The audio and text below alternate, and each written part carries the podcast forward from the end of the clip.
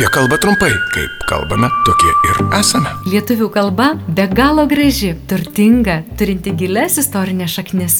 Turbūt visi sutiksime, kad verta, o gal net ir būtina ją saugoti ir puoselėti.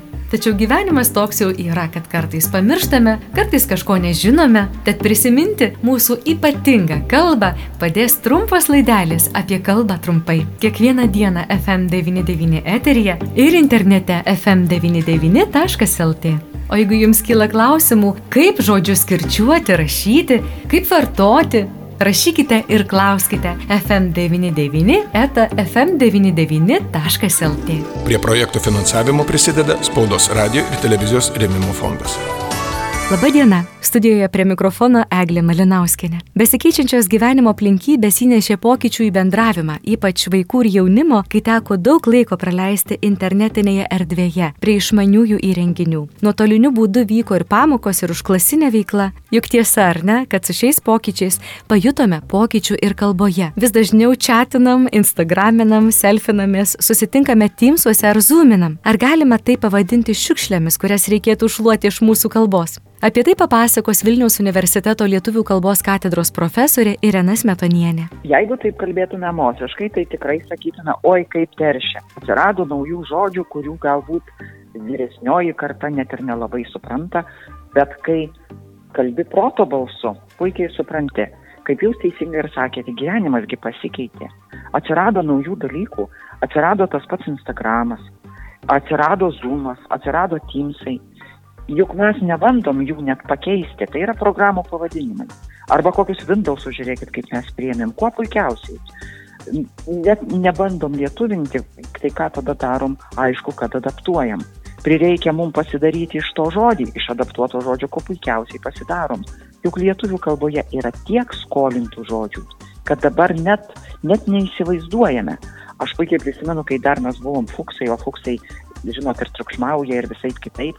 Ir mes susirinkom į profesoriaus Vinco Urbučio paskaitą ir tokie triukšmingi, o jis sako, baigit fuksai triukšmauti, paskaita prasideda, čia universitetas, čia šventovė, ko čia susirinkot?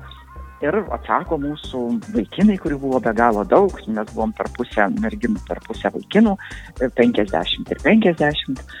Ir jie sako, lietuvių kalbos mokytis, o jisai sako, jeigu žinotumėt, kiek lietuvių kalboje tikrai lietuviškų žodžių, mautumėt karvių ganyti. Tai va, daug yra skolintų ir mes iš jų prisidarėm. Koks nors, pavyzdžiui, knyga, juk skolintas. Bet turime ir knygininkas, ir knygynas. Tai čia yra lygiai tas pats. Atsirado programa ir mes ją, na, kaip tokį, sakykime, timsai. timsai pimsuose susitiksim. Mes imam kaityti. Prireiks iš jo pasidaryti žodį, pasidarysim. Zoominti. Taip, jis yra ant žargono ribos ir sakom, oficialiai ne. Tarsi kaip šiukšlė. Bet kai kalbi tarpusai, kaip kitaip studentui pasakysi? Nu, aišku, kad pasakysi, kad per zoomą susitiksim. Taip. Įtraukiam jį kaip tą knygą, kaip visą daržą, kaip visas patalinės ir visą kitą ir, ir vartojam normaliai prie kalbos šiukšlių galėčiau priskirti tik tai kokią selfinti, nes vis dėlto yra specialistų pasiūlytas atitikmuo asmenukės.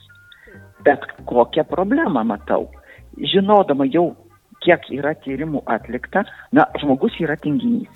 Lietuvis ypač tinginys susikurti naują žodį yra, oi dieve, kiek yra pastangų.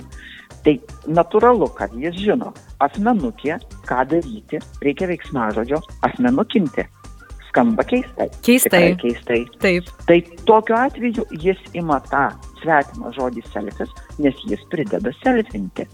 Jis padaro hybridą, bet jis jam yra patogesnis. Ir neuždrausi.